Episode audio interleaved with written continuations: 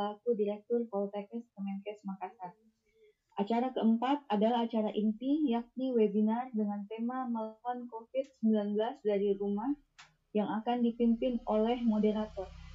Beliau adalah Kepala Pusat Penelitian dan Pengabdian Masyarakat Poltekkes Kemenkes Makassar. Kepada Bapak Dr. Rudi Hartono, SKM MKes, kami silakan. Baik, Assalamualaikum warahmatullahi wabarakatuh. Selamat pagi, salam sejahtera. Waalaikumsalam warahmatullahi wabarakatuh. Uh, Assalamualaikum warahmatullahi wabarakatuh. uh, saya akan memandu uh, dua pemateri yang akan menyajikan uh, saat ini. Uh, pertama akan saya bacakan tata tertib, uh, walaupun sudah di-share di grup peserta, ya.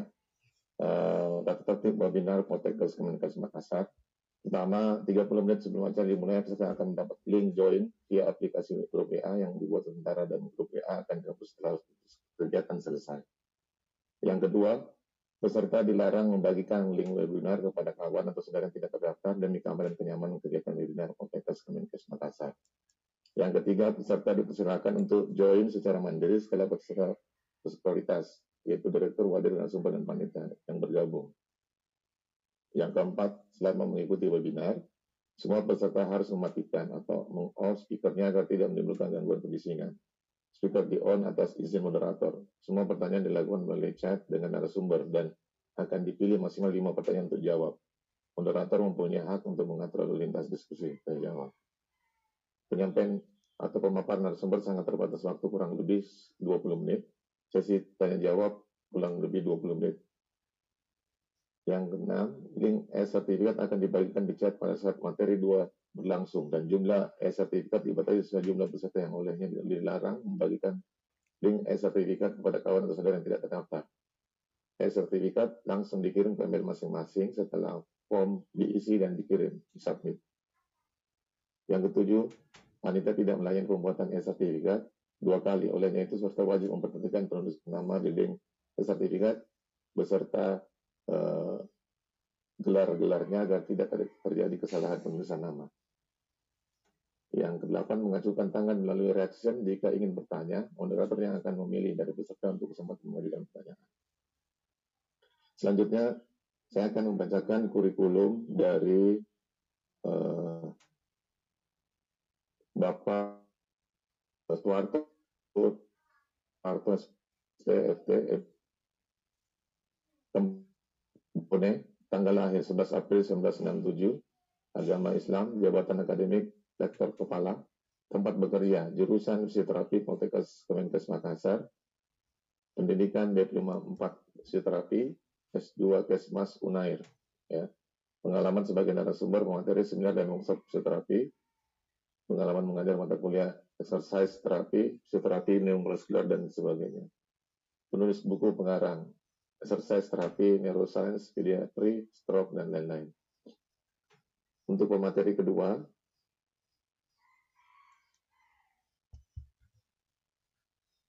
uh, saya akan bacakan bahwa Ibu Sri Wahyuni Awaludin, uh,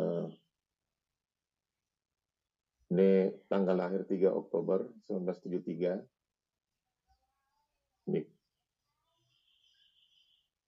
Uh, sekarang jabatannya sebagai uh, lektor di Politeknik Kesehatan Makassar, uh, pendidikan diploma 3 di Akademi Keperawatan Tidung,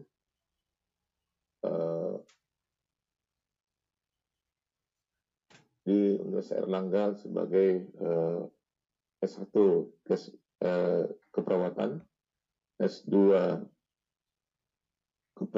keperawatan di Universitas Erlangga juga. Dan dua di University of Technology Sydney Master of Nursing of Nurse program. Uh,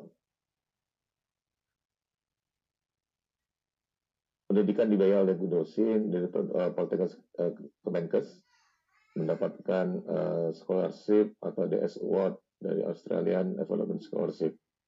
Publikasi uh, sebanyak nih uh, ada nursing statistik metodologi bersama Ibu uh, Lina Kongkoli dengan Ibu Mariani pembukaan buku English for Nursing Student bersama Pak Bahar dan Pak Iwan dan sebagainya. Itu uh, publikasi juga uh, internasional publikasi oral presentation ya. Dan saya itu tadi uh, kurikulum vitae daripada dua pemateri untuk uh, tidak membuang waktu diberikan kesempatan kepada uh, pemateri pertama Bapak Soeharto untuk memberikan menyajikan materinya. Uh, sesi kedua nanti Ibu uh, Uni Awaludin. Nah, kami persilahkan kepada Bapak Soeharto untuk memberikan materinya. Selama kurang lebih 20 menit, Pak ya. Silakan, Pak.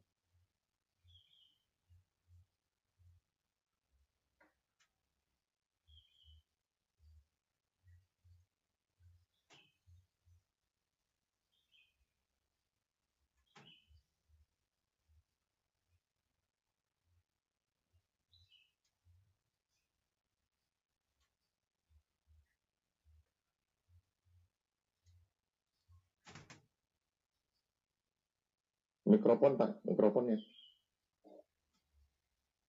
Ya silakan Pak. Ya, eh, antar rumah Bapak Direktur dan Pudir dan Kepala PPM dan seluruh peserta Bapak-Bapak Ibu yang mengikuti seminar webinar pada pagi hari ini. Saya akan membawakan materi pada pagi hari ini yaitu manajemen fisioterapi pada COVID-19 pada materi ini eh, akan dibahas bagi dua, yaitu penanganan fisioterapi pada pasien COVID pada saat masih di rumah sakit. Kemudian yang kedua, penanganan fisioterapi eh, pada pasien COVID setelah di, dari rumah sakit. Tujuan seminar pada hari ini adalah pertama memberi informasi kepada peserta mengenai COVID-19 ini secara singkat saja karena sudah pertama mengenai manajemen fisioterapi pada saat pasien di rumah sakit. Yang kedua, yang ketiga adalah pada saat pasien berada eh, di rumah atau setelah keluar dari dari rumah sakit. COVID-19 juga dikatakan sebagai SARS-CoV-2 virus corona baru yang muncul di akhir tahun 2019 dan menyebabkan penyakit coronavirus disease yang biasa disingkat kita selalu dengar di televisi COVID. COVID-19 yaitu mudah menyebar. Bagaimana cara penyebarannya?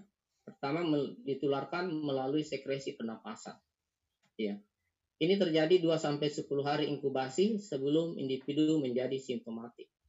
Kemudian ada droplet jatuh di permukaan sejauh 2 meter dari penderita. Jadi kita harus menghindari jarak seperti ini. Bertahan 24 jam di permukaan yang kasar. Bertahan 8 jam di permukaan yang lunak dan pada aerosol airborne di udara sekitar 3 jam.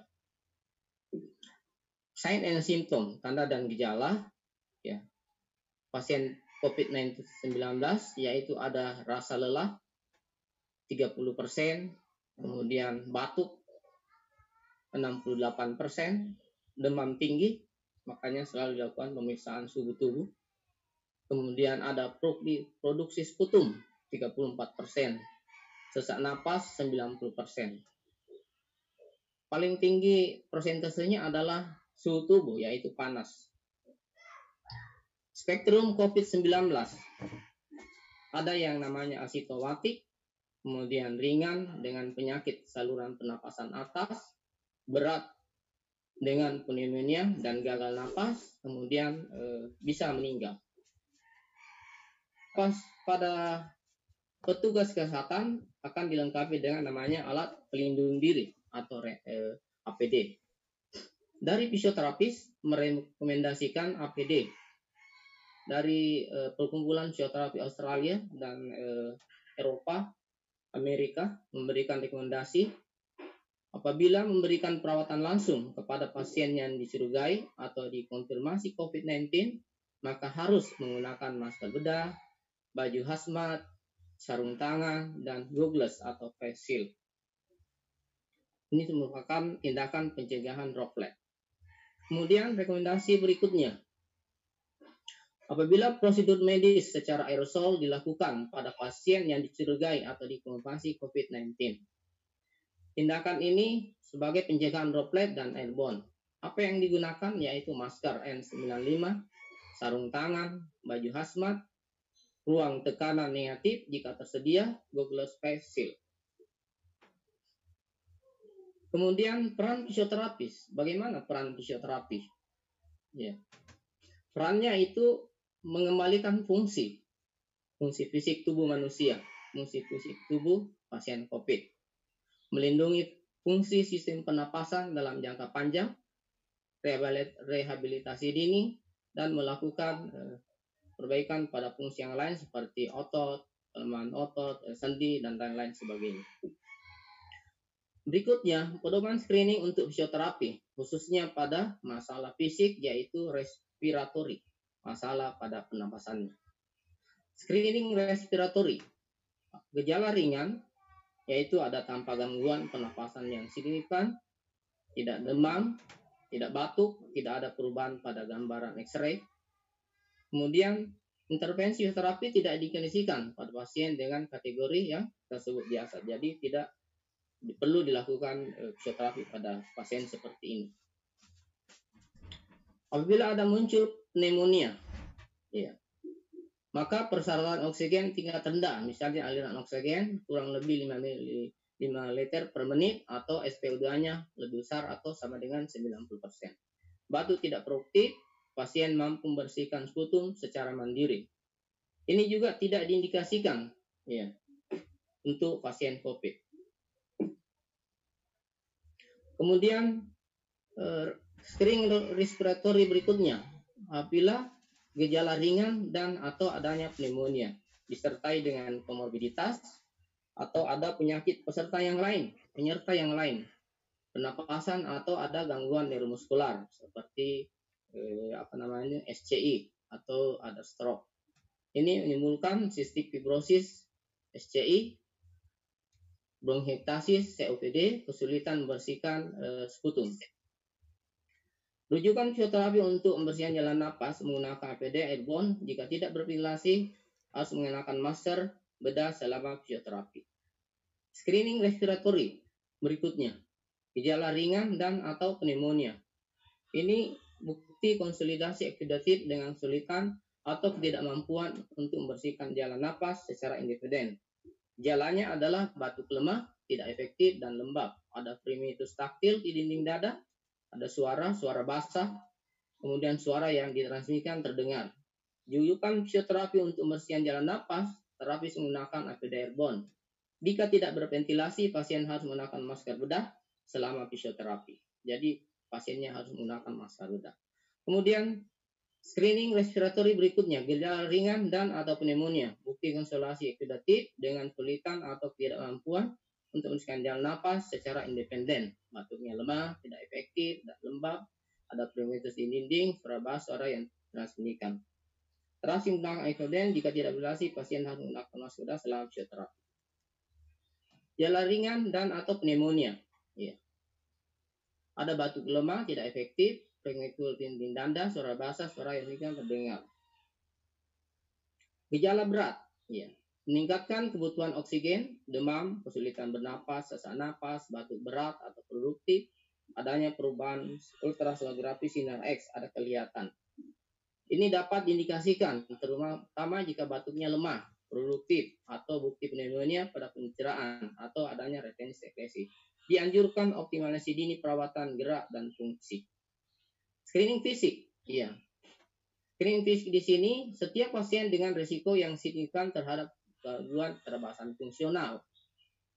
Pasien yang lemah atau memiliki beberapa komoditas berdampak pada kemandirian. Jadi pasien tidak bisa melakukan eh, kemandiriannya sendiri. mobilisasi, latihan, dan rehabilitasi pada pasien ICU dengan penurunan fungsional yang signifikan dan risiko kelemahan yang dapat di ICU. Rujukan fisioterapi gunakan IPD airborne, diperlukan kontak dengan atau kemudian yang memungkinkan. Jika tidak diventilasi, pasien harus pakai masker pada selama fisioterapi. Prinsip manajemen fisioterapi pada COVID-19 di rumah sakit. Yaitu pertama pembersihan jalan napas, ventilasi non-invasif, fasilitasi pengeluaran sputum, ya, kemudian exercise dan mobilisasi. Rekomendasi intervensi fisioterapi respiratori, etika batuk dan batuk aktif. Jadi ada etikanya pada saat batuk.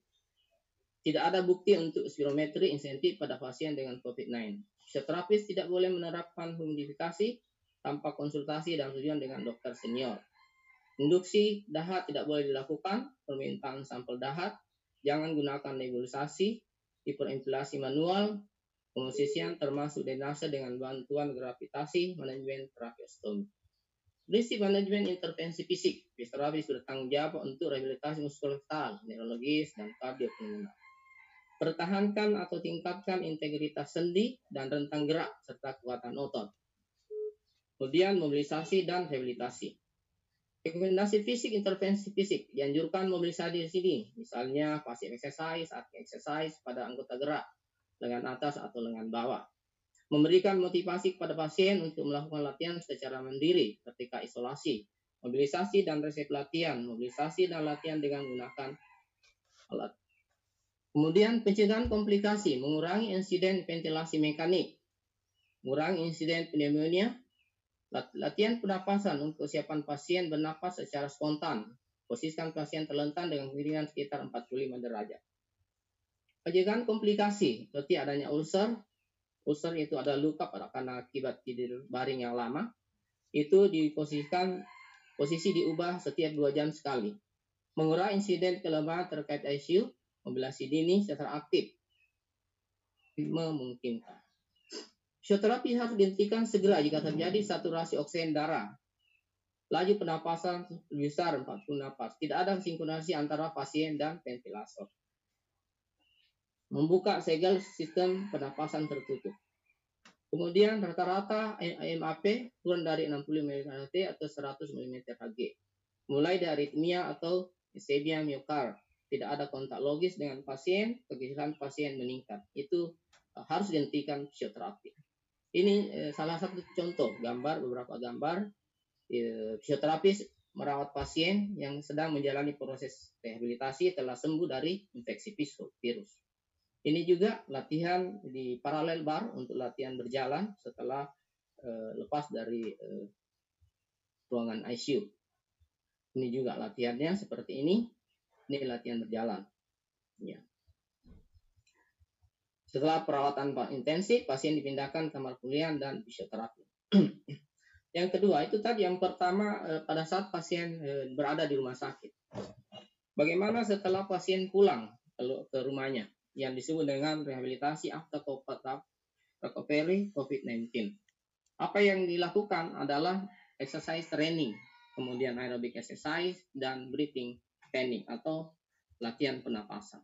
Mengapa dibutuhkan fisioterapi? Beberapa hasil eh, apa, pengalaman dari bapak dokter di daerah Inggris Dikatakan bahwa jika pasien COVID itu akan mengubah hidupnya, membutuhkan pengorbanan yang besar walaupun fisik, fisiknya membaik. Ketika pasien kami bangun, badan mereka sangat lemah. Untuk duduk pun tidak bisa. Tampak banyak yang tidak bisa mengangkat tangan. Tidak bisa tempat tidur karena ototnya sangat lama. Inilah alasan-alasan mengapa dibutuhkan fisioterapi setelah keluar dari rumah sakit. Semakin lama pasien berbaring di ICU, maka semakin lama pula mereka untuk dapat kembali seperti semula. Usai berbaring waktu lama di kasus ICU mendapatkan perawatan, pasien harus terapi, mengajarkan mereka untuk kembali belajar berjalan atau bahkan bernapas normal kembali.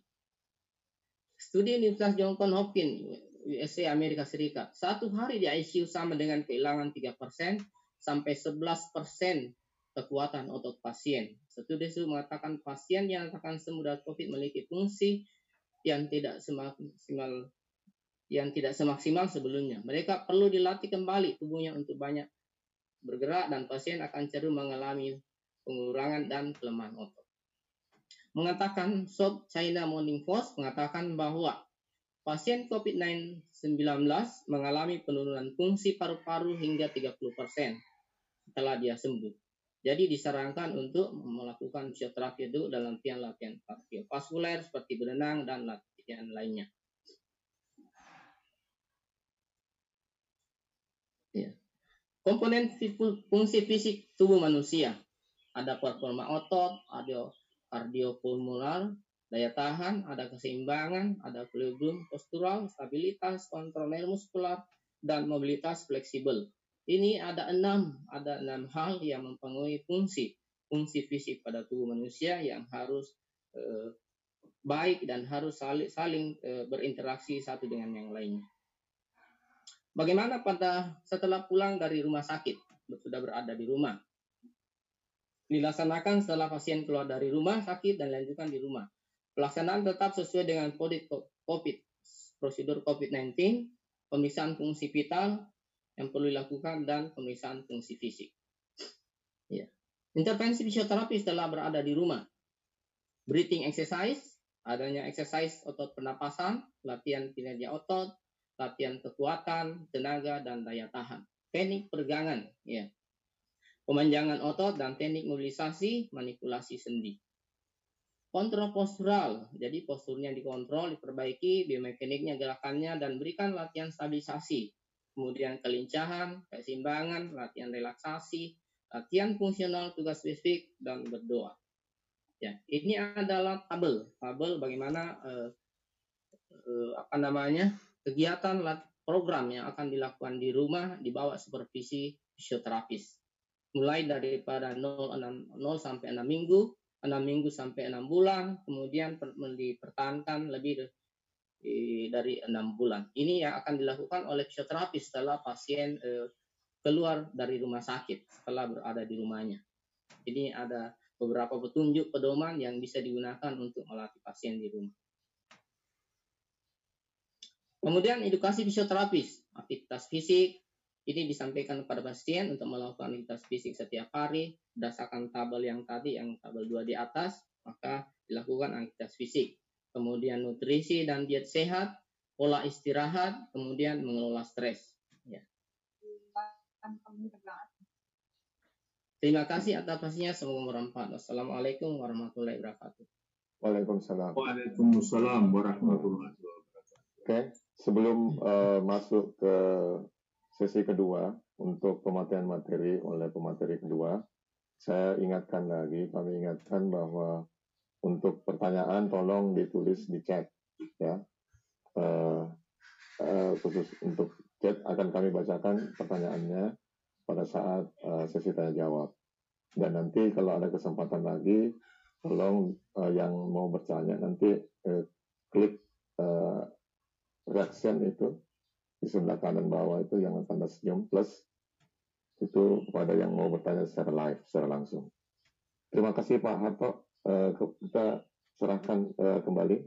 Mungkin ditutup dulu Pak Arta pengajiannya. Kami serahkan kepada Ibu Sri Wahyuni Awaludin untuk memberikan uh, materinya. Mungkin di di anu dulu Pak Arto. Iya iya iya tunggu sebentar.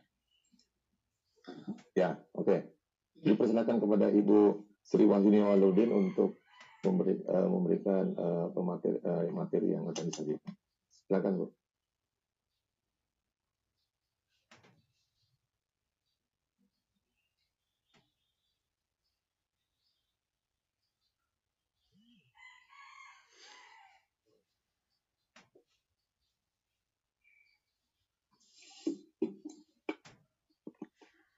Ya, baik. Uh, Bismillahirrahmanirrahim. Assalamualaikum warahmatullahi wabarakatuh. Terima kasih atas kesempatannya. Uh, selamat datang di seminar di webinar Protekas Kemenkes Makassar untuk semua peserta. Sayang sekali saya bisa sharing uh, sharing di sini uh, uh, mengenai manajemen home care pada pasien COVID-19. Slide slide Ya, ini kebetulan navigasinya dikontrol oleh operator. Iya, eh, baik. Mungkin slide kedua dulu, Pak. Iya, itu jadi kalau kita lihat di sini eh, kenyataan sekarang bahwa eh, banyak pasien COVID-19 yang harus isolasi mandiri. Di, eh, di mana pelaksanaan isolasi mandiri itu harus dilaksanakan di rumah atau di pelayanan eh, atau di suatu tempat yang ditunjuk oleh pemerintah. Kita bisa melihat di sini banyak hal yang eh, menjadi masalah pada pasien dengan home care, terutama adalah loneliness, kesepian ya tinggal sendirian di rumah, diisolasi, kemudian uh, tidak tahu harus ngapain, dan kadang-kadang uh, pasien yang dinyatakan harus dikarantina ini mendapatkan masalah penolakan ya dari masyarakat, baik dari keluarga sendiri bahkan dari masyarakat. Slide. Slide. Untuk ini latar belakangnya mungkin saya tidak perlu mengulang karena uh, tadi sudah dibahas oleh Pak Soeharto. Slide. Nah, eh, ini sekedar review saja bahwa eh, rentang tanda dan gejala umum pada pasien COVID-19 seperti tadi yang disampaikan oleh pemateri pertama itu mulai dari yang ringan sampai berat. Jadi ada pasien itu memang eh, menunjukkan gejala seperti demam, ini yang paling utama, kemudian nyeri kepala, nyeri otot, kemudian kehilangan kemampuan untuk uh, kehilangan kemampuan untuk uh, mencium, meng, uh, membedakan bau, anosmia, ada juga hipogeusia, penurunan pengecapan, kemudian nyeri tenggorokan, batuk, sulit bernapas, dan gangguan gastrointestinal. Jadi banyak juga pasien COVID-19 ini keluhannya juga justru karena diare. Lanjut. Slide. Nah, eh, sebelum kita lanjut, maka kita perlu memahami kembali beberapa definisi yang terkait dengan COVID-19 ini. Slide. Jadi ada yang disebut dengan PDP. Sering kita dengar di berita itu ada PDP, ODP, OTG ya. Mungkin ini kita perlu uh, review kembali bahwa uh, PDP itu atau pasien dalam pengawasan itu sering juga disebut dengan suspek. Jadi orang suspek atau pasien dalam pengawasan itu adalah orang dengan infeksi saluran pernafasan akut dengan menunjukkan demam, biasanya uh, tingginya suhunya itu 38 derajat Celcius, kemudian ada atau ada riwayat demam, disertai salah satu gejala tanda penyakit pernafasan seperti batuk sesak, nafas uh, sakit, tenggorok, eh, sakit tenggorokan, kemudian pilek, pneumonia, baik yang ringan sampai yang berat. Dan tidak ada penyebab lain berdasarkan gambaran klinis.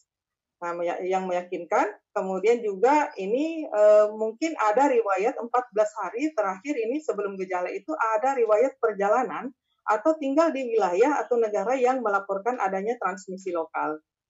Kemudian yang masuk juga kategori PDP di sini adalah orang demam atau riwayat demam dan ISPA atau ISPA. Kemudian pada 14 hari terakhir sebelum timbul gejala memiliki riwayat kontak dengan kasus konfirmasi COVID. Jadi dia tidak ke mana-mana, tapi dia demam dan punya riwayat kontak dengan kasus konfirmasi COVID. Dan kemudian dikatakan juga PDP itu adalah apabila dia sudah demam 38 derajat Celcius ke atas, kemudian ada infeksi saluran nafas dan juga dari fototoras memberikan gambaran adanya pneumonia. Slide.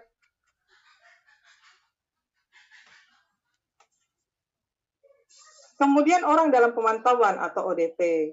ODP ini adalah orang yang mengalami gejala demam, 30, ya suhunya di atas 38 derajat Celcius, atau pernah demam, kemudian ada gejala gangguan sistem pernapasan seperti pilek, sakit tenggorokan, kemudian pernah ada riwayat melakukan perjalanan 14 hari terakhir sebelum timbul gejala di wilayah yang melaporkan transmisi lokal. Masuk juga dalam kategori pasien ODP ini adalah orang yang mengalami gejala gangguan sistem pernapasan seperti pilek, sakit tenggorokan, atau batuk, dan 14 terakhir ini pernah kontak dengan kasus konfirmasi COVID. Namun, pada ODP ini, pada saat foto ronsen, ini belum ditemukan gambaran pneumonia. Slide. Selanjutnya OTG. Ini yang banyak dikatakan, yang sering disebut OTG, OTG. OTG ini adalah penampakan fisiknya sehat, tidak bergejala, tetapi punya resiko tertular.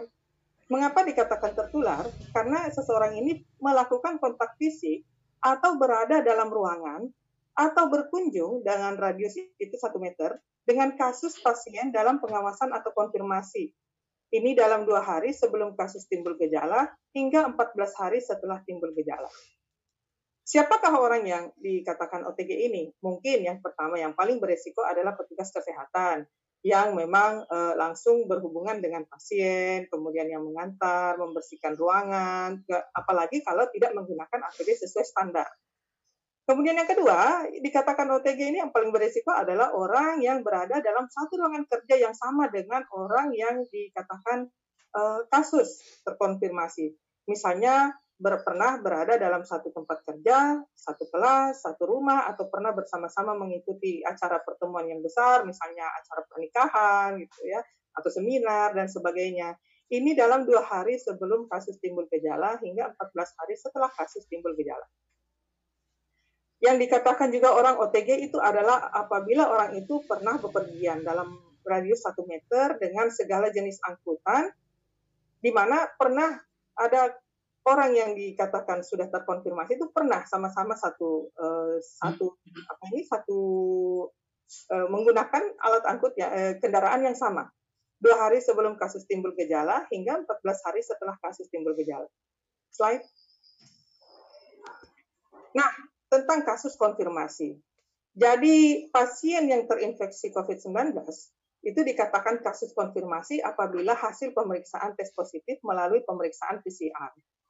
Namun karena keterbatasan alat atau pertimbangan tertentu, maka yang paling sering dilakukan pertama kali adalah rapid test. Pada orang yang dilakukan pemeriksaan rapid test, kalau dia rapid testnya positif, namun menunjukkan tidak ada gejala atau gejalanya ringan, maka orang ini akan di uh, orang ini akan diminta untuk isolasi di rumah. Ini dilanjutkan dengan kemudian selama isolasi di rumah ini dilanjutkan dengan tes swab PCR dua kali berturut-turut. Kemudian bila hasil tes negatif atau gejala eh, bila hasil tesnya negatif kemudian gejala ringan, isola ini di, maka pasien ini harus isolasi rumah dilanjutkan dengan rapid test kedua. Jadi rata-rata isolasi itu antara 14 sampai 28 hari. Di sinilah mulai dilakukan home care. Lanjut.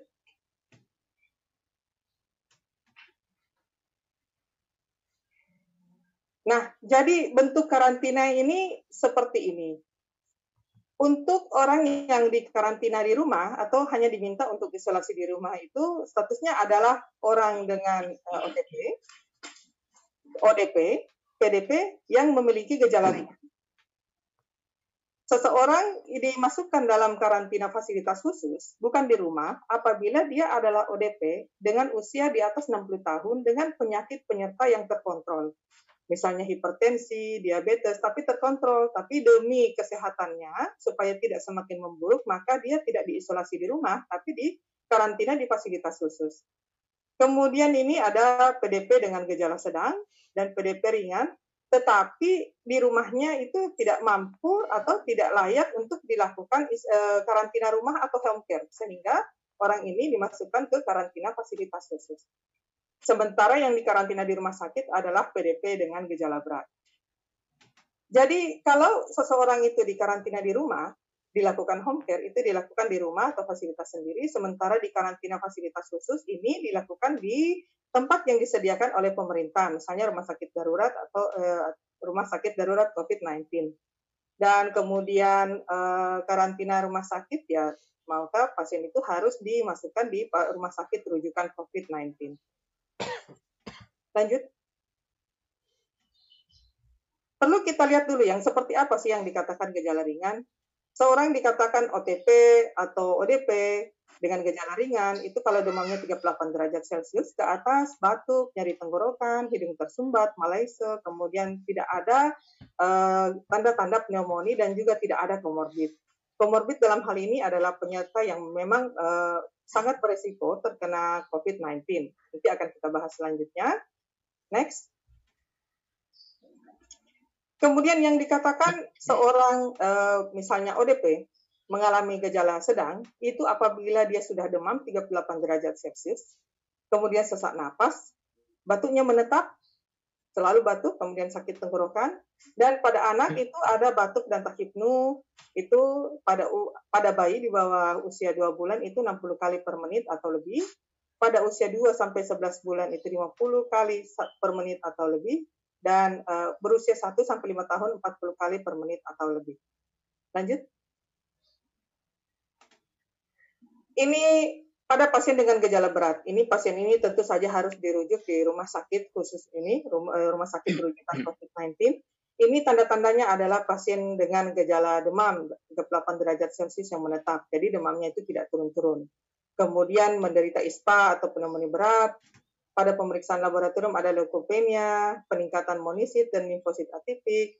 Pada eh, penderita remaja atau dewasa biasanya disertai gejala ISPA dengan uh, disertai salah satunya misalnya uh, laju pernapasannya itu lebih dari 30 kali per menit, kemudian terjadi distres napas berat, kemudian SPO2-nya itu kurang dari 90% pada udara kamar. Lanjut.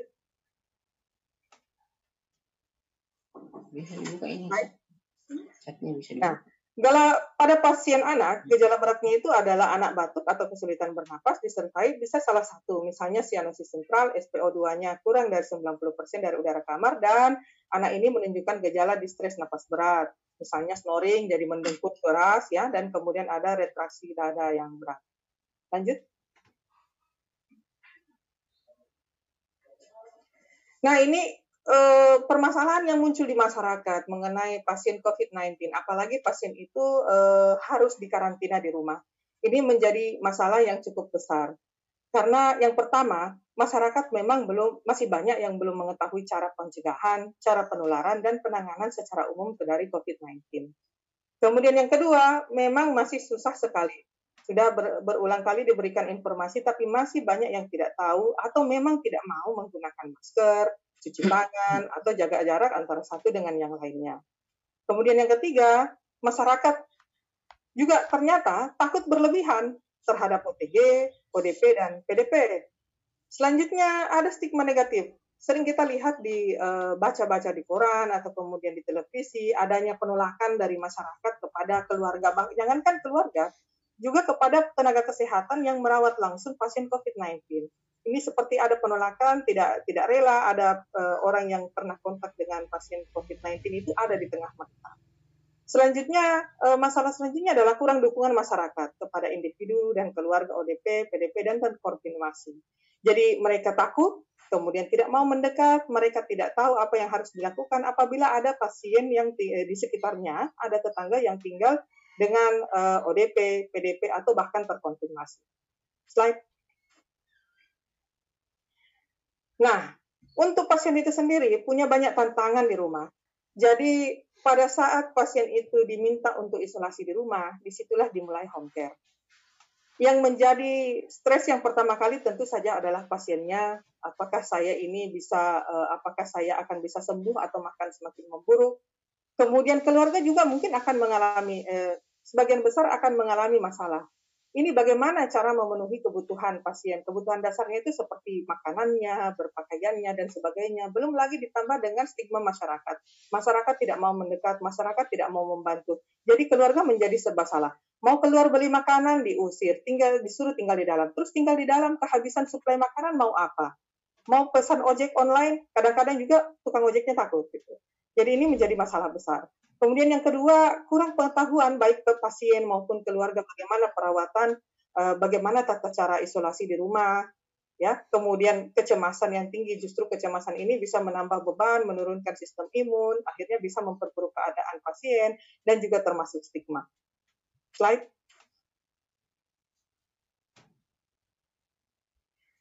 Jadi peran perawat dalam hal ini penanganan pasien COVID di rumah dalam eh, home dalam home care ini adalah yang pertama tentu saja sebagai care provider. Perawat ini memberikan perawatan kepada pasien eh, sesuai dengan kebutuhan pasien COVID-19 ini. Tetapi perlu kita lihat di sini bahwa pasien yang dilaksanakan home care itu isolasi di rumah itu nanti maka perawatnya itu hanya uh, melakukan pemantauan dari pemantauan dari jarak jauh. Jadi biasanya menghubungi pasien atau keluarga untuk mendeteksi atau menanyakan bagaimana perkembangan kondisi kesehatan pasien. Tapi apabila diminta, apabila dibutuhkan, maka perawat akan datang mendatangi pasien di rumahnya dan melakukan perawatan. Kemudian di sini perawat juga bertugas sebagai komunikator. Jadi bagaimana dia memberi, melakukan komunikasi dengan pasien, bagaimana berkomunikasi dengan keluarga, dengan masyarakat, bagaimana kita melakukan, bagaimana kita harus menyikapi pasien yang sedang isolasi di rumah. Perawat juga perlu menjadi edukator, mengajarkan kepada pasien, kepada keluarga, bagaimana tata cara, tata cara pelaksanaan home care di rumah, perawatan yang baik supaya pasien ini jangan bertambah buruk kondisinya, tetapi malah menjadi eh, menjadi sehat dan tentu saja diharapkan bahwa hasil pemeriksaannya baik itu rapid test maupun PCR-nya itu bisa negatif. Perawat juga bisa menjadi konselor, jadi dimintai uh, konsultasi oleh pasien dan keluarga mengenai kondisi penyakit dan apa pun itu yang bisa menjadi kecemasan, faktor kecemasan dari pasien, uh, bisa menjadi change agent, jadi bisa membantu merubah, termasuk di sini membantu merubah stigma masyarakat di sekitar lingkungan tempat pasien, kemudian menjadi case manager dan juga researcher. Jadi dalam melakukan tindakan ini juga bisa sekaligus melakukan penyelidikan, melihat kemungkinan, bahkan kemudian lanjut dengan evidence base untuk pelaksanaan tindakan COVID-19 yang lebih baik. Lanjut. Nah, eh, ternyata tidak gampang untuk mengisolasi pasien di rumah. Jadi pada saat seseorang itu dinyatakan OTG, ataupun dia ODP yang boleh diisolasi di rumah ataupun PDP yang bisa diisolasi di rumah, maka perawat dalam hal ini biasa sebagai tim surveillance itu harus datang mengkaji kondisi lingkungan rumah pasien. Yang pertama tentu saja pengkajian bagaimana kondisi fisik, eh, fisik pasien, apakah memungkinkan itu lebih baik dilakukan perawatan di rumah saja atau dia harus ke pelayanan khusus yang ditunjuk oleh pemerintah, atau bahkan dia harus ke rumah sakit rujukan COVID. Yang kedua, perawat itu perlu memastikan kesiapan mental pasien untuk isolasi diri. Jadi, apakah dia kita perlu eh, meyakinkan, kita memastikan apakah pasien ini siap untuk diisolasi diri di rumah. Tapi kalau tidak, ya terpaksa kita pindahkan pasien ini bukan diisolasi di rumah, tetapi di fasilitas pelayanan kesehatan. Nah, kalau seperti di Makassar ini, kalau seorang petugas melihat bahwa kondisi rumah pasien itu tidak memungkinkan, maka pasien ini akan dijemput. Ya sama seperti di uh, di mana-mana di seluruh tempat di Indonesia pasien dijemput kemudian di eh, diisolasi di tempat terkhusus seperti di kalau di Makassar itu di Swiss Berlin.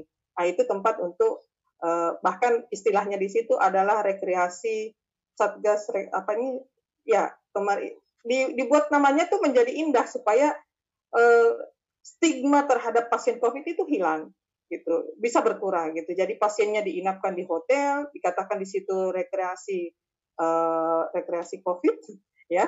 Kemudian di situ dirawat oleh eh, tim yang uh, solid lengkap bahkan sampai petugas keamanan TNI Polri pun ada di situ dan uh, dan sebagainya. Di situ dilakukan pengecekan kesehatan kemudian juga asupan gizi yang lebih baik daripada kalau dia tinggal di rumah. Nah kemudian juga yang ketiga untuk menentukan apakah pasien itu bisa dilakukan home care di rumah isolasi di rumah ya itu perlu di, dicek kelayakan rumah untuk mengisolasi pasien kemudian cek fasilitas pemenuhan kebutuhan pasien, cek kesiapan keluarga, apakah keluarga siap merawat pasien ini. Kalau pasiennya sendiri cemas, ketakutan, jadi berarti tidak tidak bisa kita lakukan perawatan di rumah. Kalau memungkinkan, kita pindahkan ke pelayanan yang sudah ditunjuk oleh pemerintah. Apalagi kalau memang kita melihat kondisi rumah tidak memungkinkan.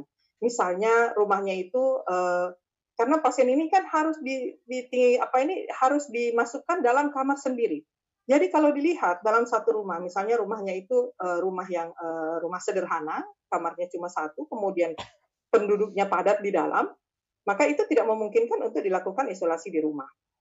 Nah, kemudian perlu juga kita lihat di sini support sistem masyarakat sekitar.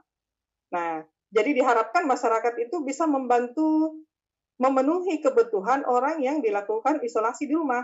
Karena yang diisolasi di rumah itu bukan hanya satu pasien, kadang bahkan satu keluarga itu di diminta untuk karantina sendiri di rumah. Maka kasihan kalau sudah karantina di rumah, nggak boleh keluar-keluar, sudah kelaparan, tapi tidak ada satu orang pun yang mau membantu untuk memenuhi kebutuhannya.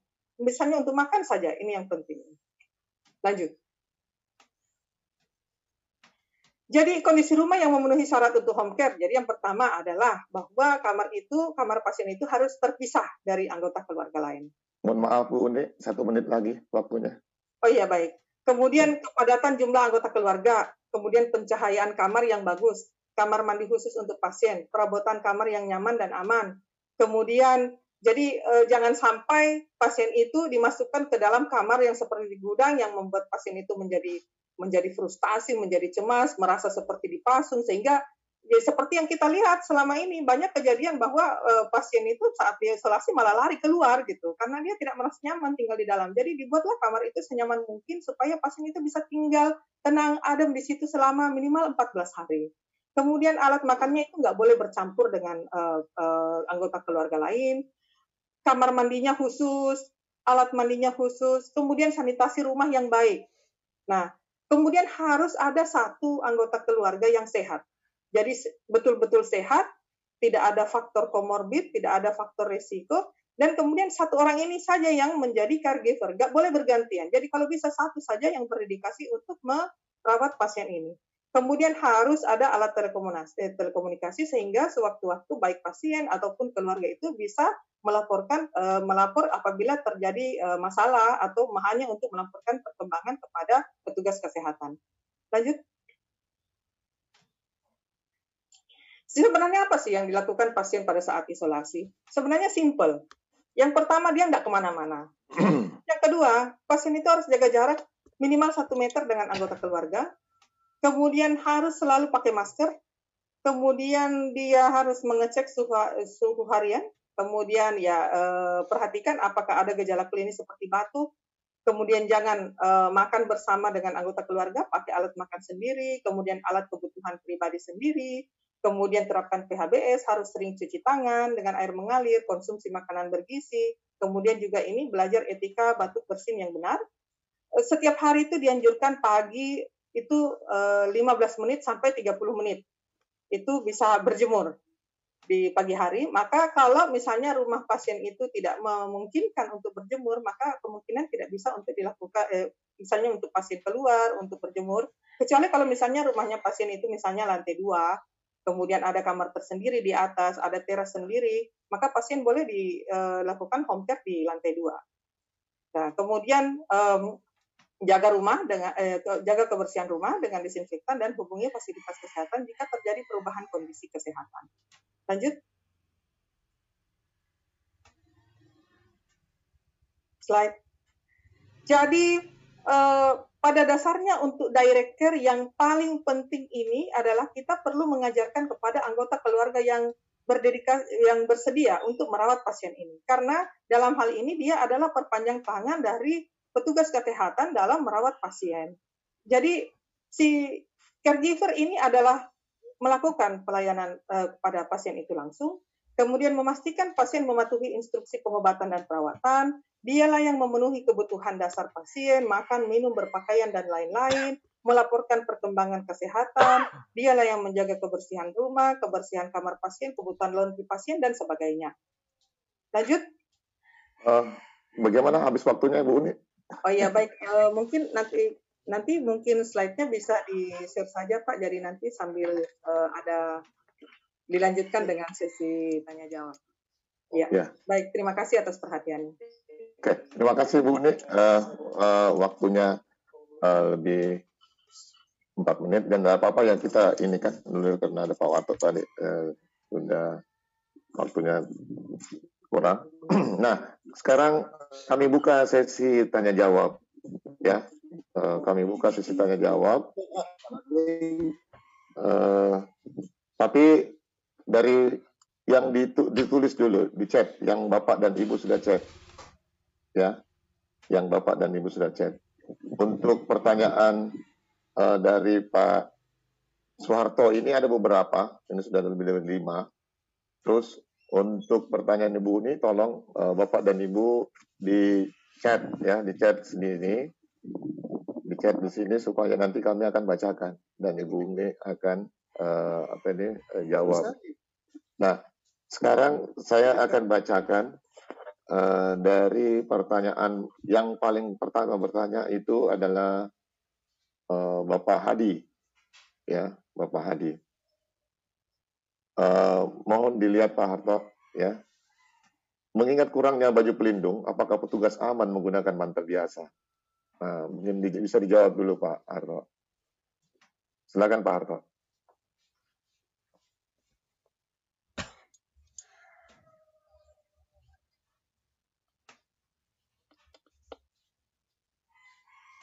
Silakan Pak Harto.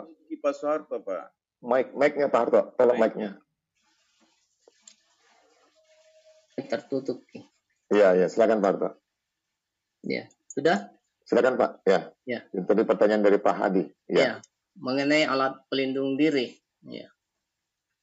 Eh, sebaiknya kita menggunakan alat pelindung diri yang efektif, yang apa namanya, yang resmi Pak. Eh, karena tentu ada beberapa hal yang bisa eh, membuat menjadi penularan apabila kita tidak menggunakan yang yang resmi. Kecuali memang kalau ada hal-hal yang darurat, ya. Saya kira kita biasa sudah biasa lihat televisi, ada yang menggunakan yang tidak uh, resmi, ada yang resmi. Itu Pak, ya sebaiknya menggunakan yang bagus, alat pendiru yang yang resmi. Itu yang pertama Pak. Berikutnya okay. Pak. Nah, yang kedua adalah uh, dari Pak Muhammad Ardi, ini dari keperawatan Pak. Ya. Apa alasan pasien tidak perlu dinebulisir dan dampak yang bisa terjadi jika pasien COVID-19 dinebulisir COVID-19? Hmm, beberapa teori eh, baik Pak, beberapa teori yang menyatakan bahwa sebaiknya pasien COVID ini dari tinjauan fisioterapi itu menggunakan eh, apa namanya hanya latihan pernafasan saja dengan eh, positioning yang diberikan kepada eh, pasien COVID. Tidak kecuali eh, apa namanya itu sangat dibutuhkan maka akan dilakukan nebulizer. Nebulizer itu pun kalau sudah gejalanya ringan, tapi kalau dalam posisi yang akut atau dalam keadaan gejala yang berat sebaiknya di, tidak digunakan. Itu dari ilmu fisioterapi. Hanya baju pelindung. Iya. Apa ya? gitu Pak. Ya, Berikutnya, uh, berikutnya bagaimana tanggapan Bapak ini dari tidak ada nama Pak ya. Jadi saya bacakan aja bagaimana tanggapan Bapak yang akan ini terdengar melalui media tentang pengobatan dengan plasma darah Pak. Oh iya, uh, saya juga pernah baca Pak itu mengenai plasma darah, tapi terus terang sampai saat ini saya juga belum uh, tidak bisa memberikan jawaban yang tepat karena fisioterapi bukan ahlinya tentang hal tersebut. Ya, terima kasih ya. Uh, selanjutnya untuk uh, dari Bapak Sukma ini, beberapa artikel ya. mengungkapkan fakta posisi tengkurap lebih efektif dalam meningkatkan vaksinasi pasien COVID-19. Mungkin pencerahan ya, daripada pemateri, petunjuk ya, praktis yang bisa dipraktekkan. Silakan Pak Harto. Ya baik, terima kasih. Eh, pada Bapak Eh, mungkin bapak ini adalah seorang terapi dari rumah sakit Hermina. Di tindakan yang paling utama yang harus Oh, maaf Pak, bukan Pak, Pak, oh, Pak Sukma Pak, ya? dari dari dosen keperawatan Pak. Oh Pak Sukma ya. Fakta ya. posisi tengkurap ya lebih aktif ya, dari ya. Iya, saya uh, fisioterapis sependapat dengan itu Pak. Beberapa teori apa namanya uh, literatur yang yang saya telah buka bahwa memang uh, kenapa dilakukan pada posisi saat positif itu eh, apa namanya pengaruh gravitasi terhadap pengeluaran sputum ya atau drainase itu lebih efektif dibandingkan pasien dalam posisi eh, terlentang. Karena adanya pengaruh gravitasi. Jadi pada saat posisi tengkurap maka dahat itu akan mudah keluar ke bawah. Mudah mudah keluar ke bawah. Nah Eh, di dunia fisioterapi itu dikatakan sebagai eh, posisi apa namanya postural drainase, pengeluaran dahak. Jadi ada posisi-posisi tertentu yang diberikan sesuai dengan di mana letak daripada eh, sputum itu pada bagian paru-paru, apakah pada lobus atas atau lobus kiri, kanan dan bawah. Itu kemudian kita menentukan eh, posisi yang lebih baik untuk mengeluarkan sputumnya. Seperti itu, Pak. Iya. Yeah. Jadi memang eh, lebih bagus dalam posisi tengkurap dibandingkan dalam posisi eh, terlentang. Ya, itu banyak teori yang mendukung seperti itu, Pak. Iya. Terus pertanyaan selanjutnya dari eh, Pak Herman ya, Pak Wadir tiga. Oh iya Pak Herman. Mohon mohon dijelaskan latihan apa yang dapat dilakukan tanpa bimbingan seorang fisioterapis. Terima kasih. Latihan apa yang dapat dilakukan tanpa bimbingan fisioterapis? Ya, Ya. apabila pasien COVID sudah pulang ke rumah, kemudian dinyatakan sehat sembuh, tentunya eh, fisioterapis dulu harus melakukan pemeriksaan eh, fungsi-fungsi, fungsi psikis, eh, apa, fungsi fisiologis pada pasien, kemudian diberikan petunjuk. Eh, banyak juga cara yang bisa dilakukan selain eh, un- untuk menghindari kontak ya, menghindari jarak itu, maka dibuatkan eh, apa itu bisa dengan video atau gambar-gambar atau leaflet kemudian di, diberikan kepada pasien. Pasien tersebut untuk melakukan latihan, misalnya latihan peregangan, latihan eh, pernapasan, latihan eh, peningkatan daya tahan otot, latihan apalagi itu peningkatan eh, daya tahan paru-paru atau seperti latihan jalan eh, di rumah. Ya. Tapi dalam eh, dalam apa namanya untuk memonitoring itu tetap fisioterapis harus selalu berhubungan dengan pasien melalui eh, telepon atau video call untuk melihat langsung apa yang dilakukan oleh pasien dan menyampaikan kalau ada keluhan-keluhan yang disampaikan oleh pasien untuk dilakukan perubahan eh, apa memodifikasi dosis pada saat pasien melakukan eh, latihan di rumah seperti itu Pak. Iya. Terus dari pertanyaan Bapak Yuli Pratomo dari Rumah Sakit Arkamanik Iya. Bandung, ini apakah tindakan yang paling utama yang harus dilakukan seorang fisioterapis pada pasien COVID di ruang isolasi? Padahal pasien tersebut susah nafas berat. Apakah harus di aerosol terlebih dahulu sebelum nantinya latihan untuk mengembalikan fungsi? Iya. Silakan Pak. Baik Pak, Eh, Pak Yuli Pratomo. Oke, ini kemungkinan eh, ini Bapak ini adalah fisioterapis di Rumah Sakit Iya. Hermit Bandung. Ya. Eh, tadi sudah sampaikan eh, beberapa screening, screening respiratori pada pasien. Jadi yang bisa dilakukan eh, penanganan fisioterapi tentunya ya agak ringan. Seperti yang Bapak katakan, apabila pasiennya itu berat, maka yang paling penting menurut eh, literatur, menurut teori, yaitu adalah melakukan eh, latihan-latihan atau exercise pada anggota gerak, baik pada anggota gerak atas maupun pada anggota gerak bawah, yang eh, dilakukan mobilisasi sedini mungkin untuk mencegah eh, hal-hal yang tidak inginkan. Eh, Saya kira eh, apa namanya fisioterapis, kalau bapak fisioterapis pasti eh, tahu. Jadi eh, Oh, iya. kapan dilakukan apa namanya apabila berat maka tidak perlu lakukan fisioterapis pada khusus pernapasannya tapi daerah yang tidak di tidak yang di, tidak diserang oleh COVID itu itulah yang dilakukan mobilisasi Pak secara dini atau seawal mungkin ya. Jadi fisioterapis itu tidak me- memberikan penanganan pada COVID-nya. Pada COVID-nya itu adalah urusannya dokter dan perawat. Tapi akibat daripada COVID itu, gangguan, gangguan mobilisasi eh, toraks, kemudian gangguan imobilisasi pada anggota geraknya dan fungsi-fungsi yang lainnya, itulah yang diberikan oleh fisioterapis kepada pasien tersebut. Ya, demikian Pak. Terima kasih. Terima kasih. Ini kita sudah punya enam pertanyaan tadi yang sudah dijawab oleh pemateri eh, Bapak Soeharto. Eh, masih ada waktu kurang lebih lima menit. Kita memberikan kepada live ya jadi pertanyaan langsung.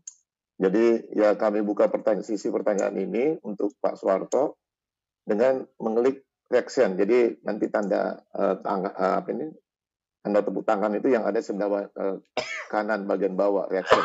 Jadi kalau diklik itu ya nanti tolong eh, Bapak dan Ibu yang klik itu nanti kami akan minta untuk membuka dia punya mic-nya. Pada host host tolong dibuka mic-nya untuk Bapak dan Ibu yang mengklik eh, reaction-nya. Iya, Pak.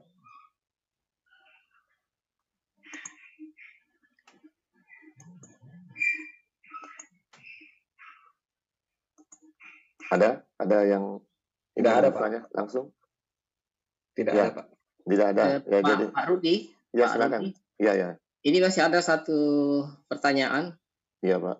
dari pare-pare kayak ini latihan di rumah bagaimana latihan di rumah pasien lansia yang sudah sembuh ini pasien oh, ya. lansia ya. yang sudah sembuh ya, ya. baik saya memberikan komentar mengenai pertanyaan ini eh, apabila ada pasien lansia yang mengena yang terkena COVID-19 nah kita ketahui bahwa lansia itu apabila eh, seorang sudah eh, lansia dikatakan lansia maka dia mengalami perubahan fungsi beberapa tadi fungsi yang sampaikan, fungsi muskuloskeletal, fungsi respirasi, fungsi jantung, paru-paru. Nah, apabila eh, dia mengenai COVID, maka dia akan lebih parah lagi pernapasannya. Sehingga apabila sudah pulang ke rumah, tentu yang perlu perlu dilanjutkan adalah latihan pernapasan.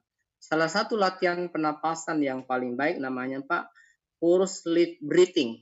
Ya, latihan itu mencucutkan apa itu mulut bibir. Kemudian menarik panjang menarik napas panjang melalui hidung kemudian dikeluarkan melalui mulut. Seperti ini. Mulutnya mencucut kemudian panjang itu yang paling penting dilakukan pada saat dalam posisi duduk seperti ini posisi duduk seperti ini itu dilakukan oleh pasien karena itu yang paling pertama dilakukan. Kemudian latihan ekspansi torak. Ini dari tinjauan fisioterapi. Apa itu ekspansi torak? Mengembangkan dada, latihan mengembangkan dada, kemudian sambil menarik napas, kemudian mengeluarkan napas. Kemudian latihan ekstremitas bawah. Tungkai latihan gerakan pada tungkainya, pada lututnya, pada ankle-nya. Semua dilakukan secara eh, mandiri dilakukan oleh pasien itu. Kemudian eh, jalan jalan di tempat eh, sesuai dengan tentunya sesuai dengan tingkat kebugarannya. Makanya perlunya dilakukan dulu pemeriksaan secara khusus eh, di mana derajat di mana derat apa derajat kebugarannya pada eh, pasien lansia tersebut. Kemudian kita rekomendasikan untuk melakukan latihan-latihan. Saya kira demikian, Pak. Nah, kasih. Ya. Terima kasih. Uh, Terima kasih Pak, ya, karena tidak ada yang minta bertanya secara langsung, jadi kami tutup untuk sesi pertama, ya, pemateri pertama dari Bapak Soeharto dari fisioterapi. Iya, Selanjutnya, uh, jadi terima kasih Pak Harto. Kami sekarang buka untuk sesi pertanyaan untuk pemateri kedua, itu Ibu Sri Wahyuni Waludin. Nah, ini ada pertanyaan dari uh, Ibu Sisilia dari jurusan farmasi, yaitu jika pasien sekeluar dan sekeluarga di karantina mandiri di rumah, siapa yang boleh melakukan dan bagaimana cara pelaksanaan home care bagi mereka? Silakan Bu. Ibu. Ya. Jawab. Ya. Uh, baik, terima kasih atas pertanyaan dari Ibu Cecilia. Jadi uh, perlu kita pahami kembali bahwa yang boleh dirawat di rumah itu adalah OTG, dengan gejala, tidak ada gejala atau gejala ringan atau ODP dengan gejala ringan ataupun PDP dengan gejala ringan. Jadi rata-rata yang boleh dikarantina di rumah itu sebenarnya bisa menolong dirinya sendiri, bisa merawat dirinya sendiri. Kalau memang ternyata itu satu rumah yang harus dikarantina, jadi mereka mengatur diri sendiri, terpisah sendiri, eh, mengusahakan kemudian selalu pakai masker, eh, tidak selalu tidak ya perhatikan social distancing, lakukan PHBS dan sebagainya. Cuma yang perlu diperhatikan adalah siapa yang akan memasok kebutuhan pasien termasuk dalam hal ini kebutuhan orang satu rumah itu mengenai uh, pasokan makanannya, kemudian hal-hal uh, lain yang dibutuhkan dari luar. Jadi dibutuhkan bantuan dari keluarga ataupun masyarakat sekitar atau tetangganya yang membantu. Tetapi tentu saja dengan memper, eh, memperhatikan syarat-syarat dari physical distancing. Jadi seperti misalnya pada saat mereka memasok makanan atau memasok obat-obatan yang dari uh, puskesmas, sebenarnya begini, kalau untuk pemantauan kesehatan, setiap hari petugas puskesmas akan menelpon setiap pasien. Bagaimana perkembangannya setiap hari.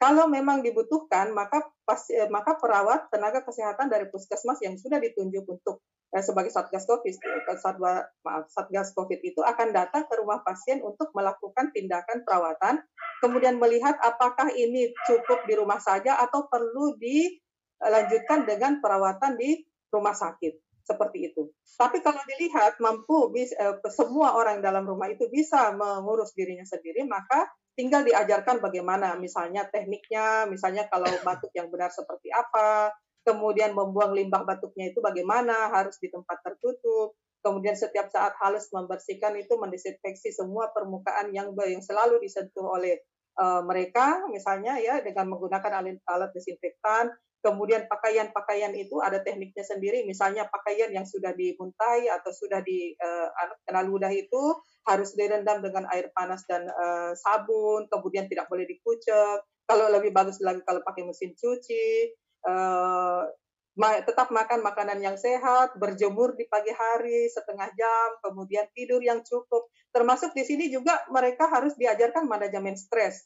Terus terang ini, untuk meningkatkan sistem imun itu pada saat isolasi mandiri ini sebenarnya tujuan utamanya supaya pemeriksaan dari rapid test yang itu eh, rapid test yang negatif itu tetap negatif pada pemeriksaan selanjutnya.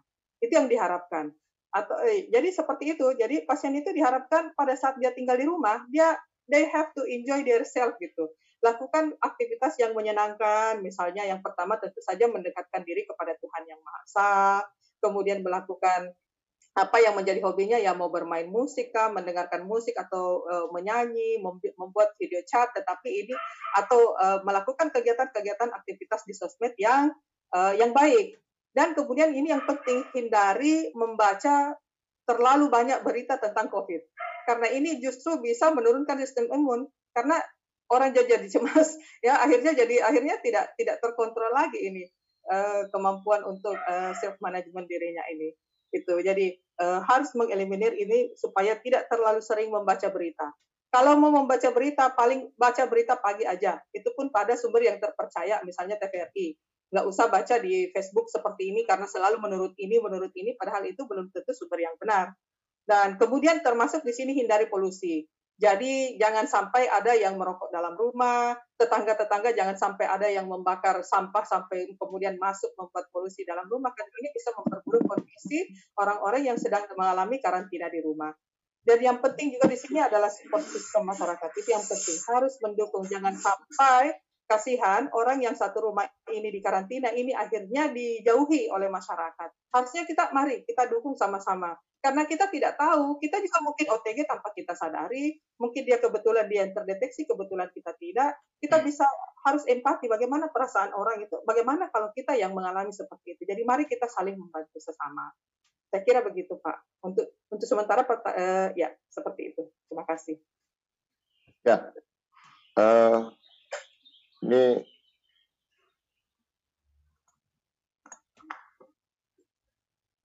ada beberapa lagi. Ini.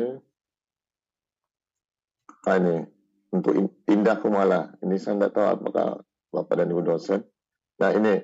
Ataukah mahasiswa. Apakah efektif menggunakan desinfektan yang kita bisa buat secara mandiri di rumah, contohnya pencampuran air dan wipol, dan dengan maraknya desinfektan camber, apakah desinfektan yang kita buat di rumah ini dapat jadikan desinfektan camber di rumah? Silakan, ada mungkin bisa dijawab. Ya, baik. Uh, jadi begini, desinfektan itu untuk benda mati, bukan untuk manusia. Ya, ini yang penting kita pahami bersama. Jadi dulu-dulu itu seperti di di Surabaya itu kan banyak oleh Ibu Risma itu dibuat chamber-chamber untuk masyarakat siapa yang mau mendesinfeksi lewat di situ, lewat di situ. Sekarang sudah nggak dipakai lagi. Kenapa?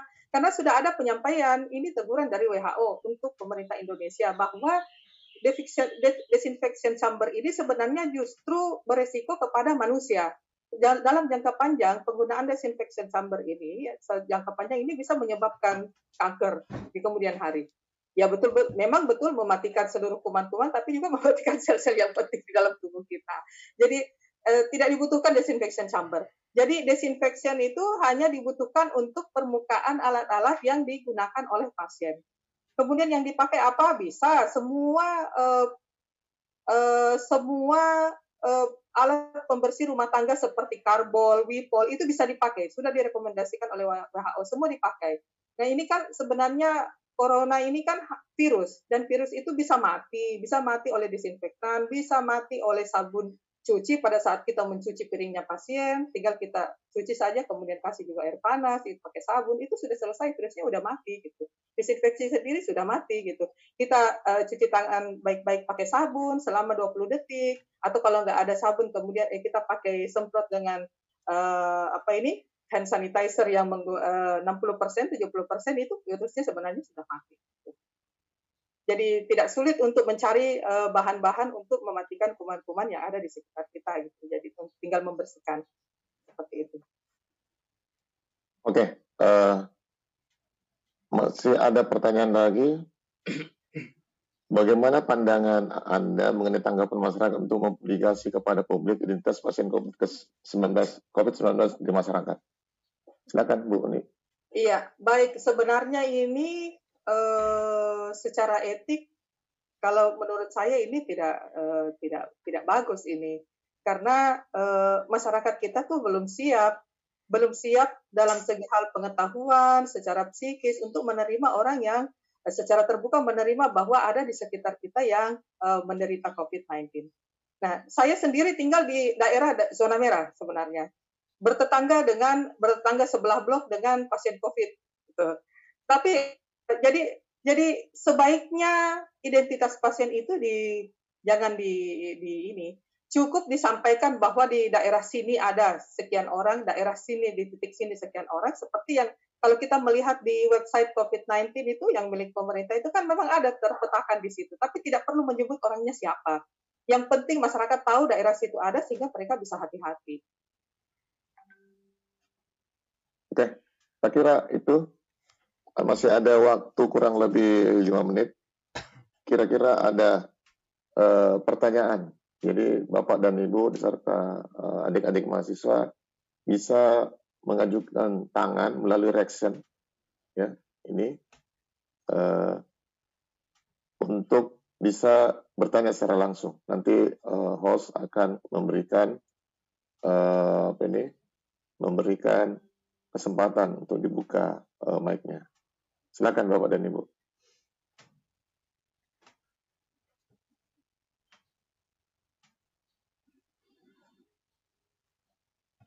Ah, ini bluebird, bluebird. Pak Budi, bluebird, bluebird.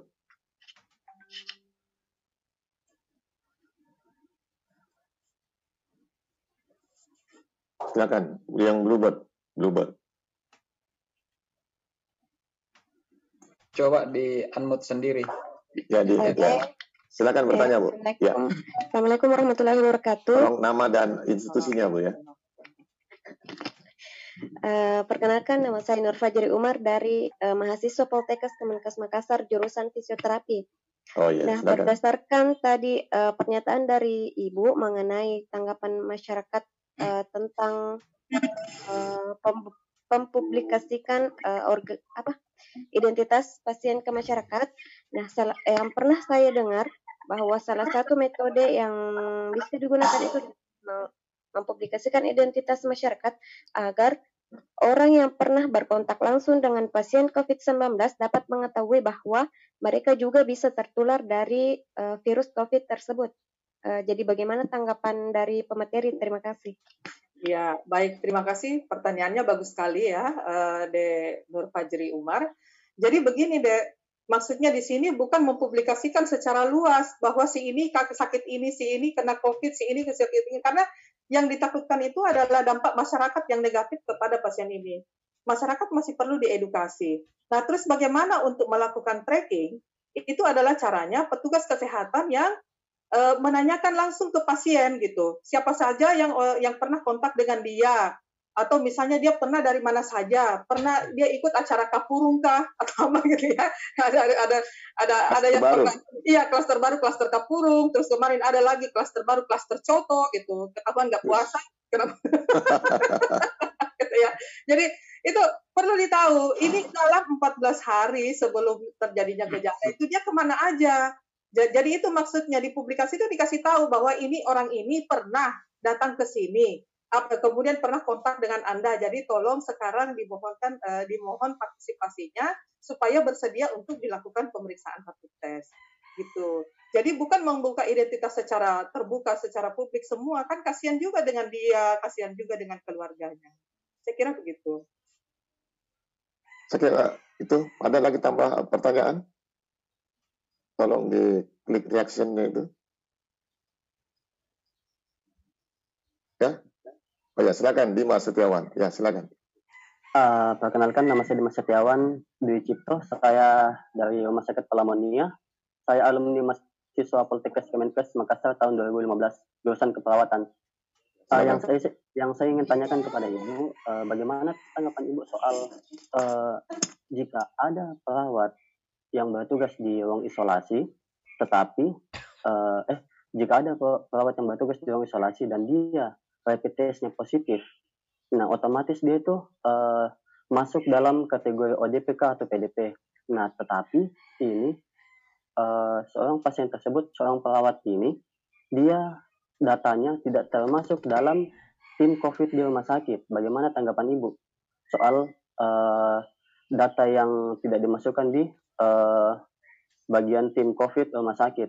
Apakah itu sebagian dari pihak rumah sakit menyembunyikan uh, status perawat atau karyawan tersebut di rumah sakit supaya rumah sakitnya juga tidak tercoreng atau bagaimana?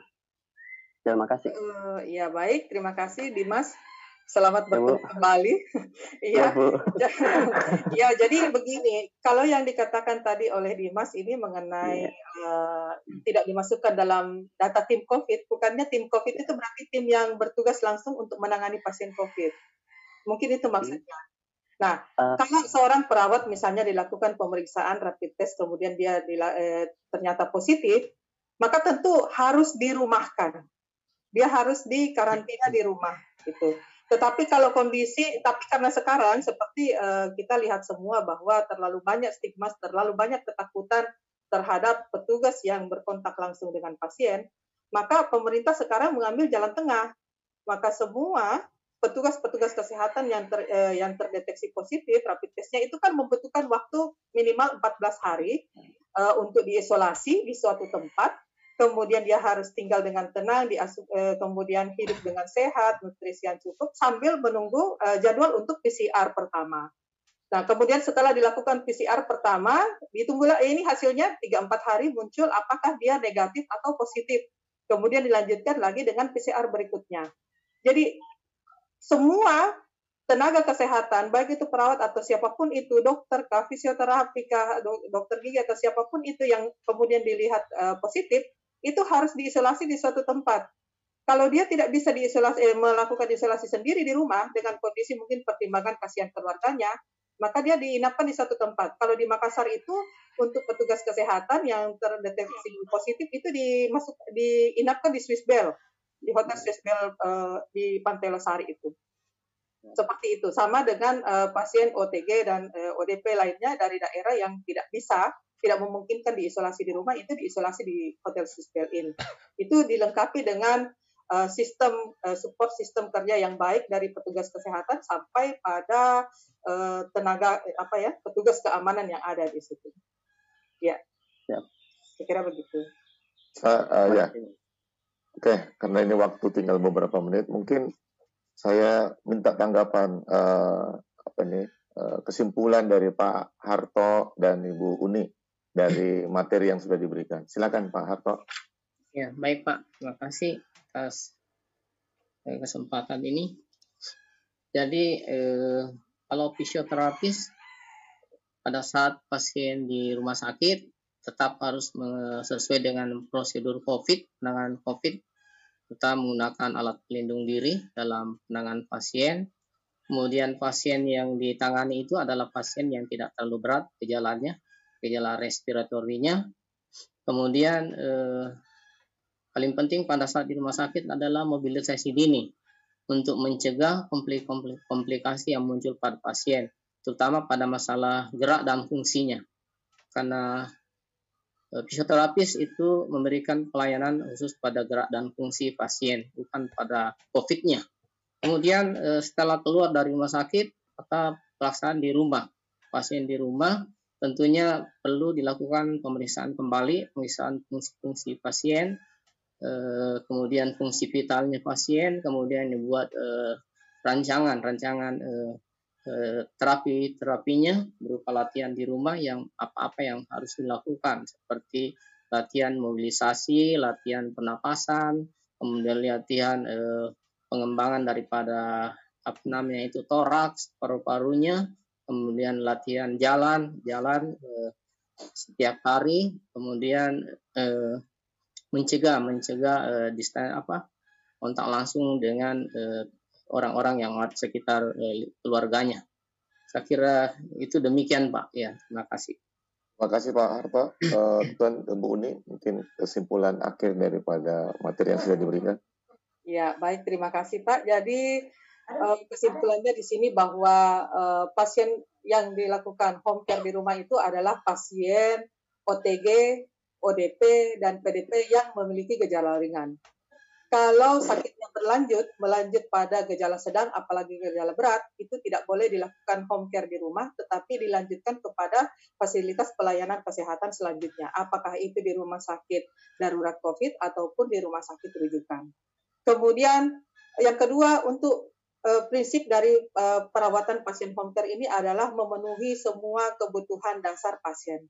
Kemudian memastikan bahwa pasien ini bisa mengikuti instruksi baik dari dokter maupun perawat bagaimana minum obatnya, bagaimana perawatan di rumahnya, kemudian bagaimana kita uh, uh, apa ini mencegah supaya tidak terjadi penularan kepada orang lain, kemudian membantu supaya pasien yang mengalami karantina ini di rumah ini bisa hidup dengan tenang, bisa nyaman selama masa karantina karena ini akan sangat membantu untuk memperbaiki hasil pemeriksaannya diharapkan bahwa nanti pemeriksaan rapid testnya itu bisa negatif kembali. Dan itu akhirnya pasien bisa bebas kembali bisa uh, bersosialisasi dengan orang lain. Dan uh, terakhir adalah mari kita sama-sama saling mendukung bahwa uh, kita semua ini adalah manusia yang saling membutuhkan satu sama lain. Jangan sampai gara-gara satu orang di sekitar kita terkena COVID sehingga semua seperti isinya semakin mencekam, kita malah menghindari orang yang mengalami karena tidak ada semua orang, tidak ada satu orang pun yang mau uh, menderita, tidak ada satu orang pun yang mau terinfeksi COVID ini. Jadi mari kita saling mendukung, saling berempati. Kita melihat kalau tetangga kita di sebelah atau di dekat rumah kita itu uh, menderi, uh, apa ini eh, dikatakan harus uh, isolasi diri, maka beri dukungan, beri dukungan. Kalau pasien ini tidak boleh dikucilkan. Sekali-sekali perlu dihubungi, perlu dia ditanyakan sekedar bertanya saya eh, say hello, tanya kabarnya, kemudian ditanyakan apa yang bisa dibutuhkan dan tetap sesuai uh, prosedur-prosedur dari social distancing dan physical distancing. Saya kira demikian. Terima kasih. Ya, terima kasih ya. Dengan berakhirnya uh, uh, kesimpulan dari masing-masing materi, kami ucapkan terima kasih kepada serta dan panitia yang uh, membuat lancarnya acara ini dan tak lupa uh, kepada yang semua limpahan-limpahan rahmatnya. Uh, jangan lupa kepada uh, Bapak Ibu dan adik-adik sekalian untuk mengisi uh, absen yang sudah di oleh panitia uh, yang itu untuk sertifikat ya dosen ini mendapatkan sertifikatnya. Nah, kami mewakili uh, pimpinan uh, mengucapkan uh, terima kasih kepada semua peserta dan pemateri panitia uh, dengan ucapan mohon maaf jika ada yang kurang berkenan. Dengan ucapan alhamdulillahirobbilalamin kami tutup acara ini. Assalamualaikum warahmatullahi wabarakatuh warahmatullahi wabarakatuh. warahmatullahi wabarakatuh. Dadah.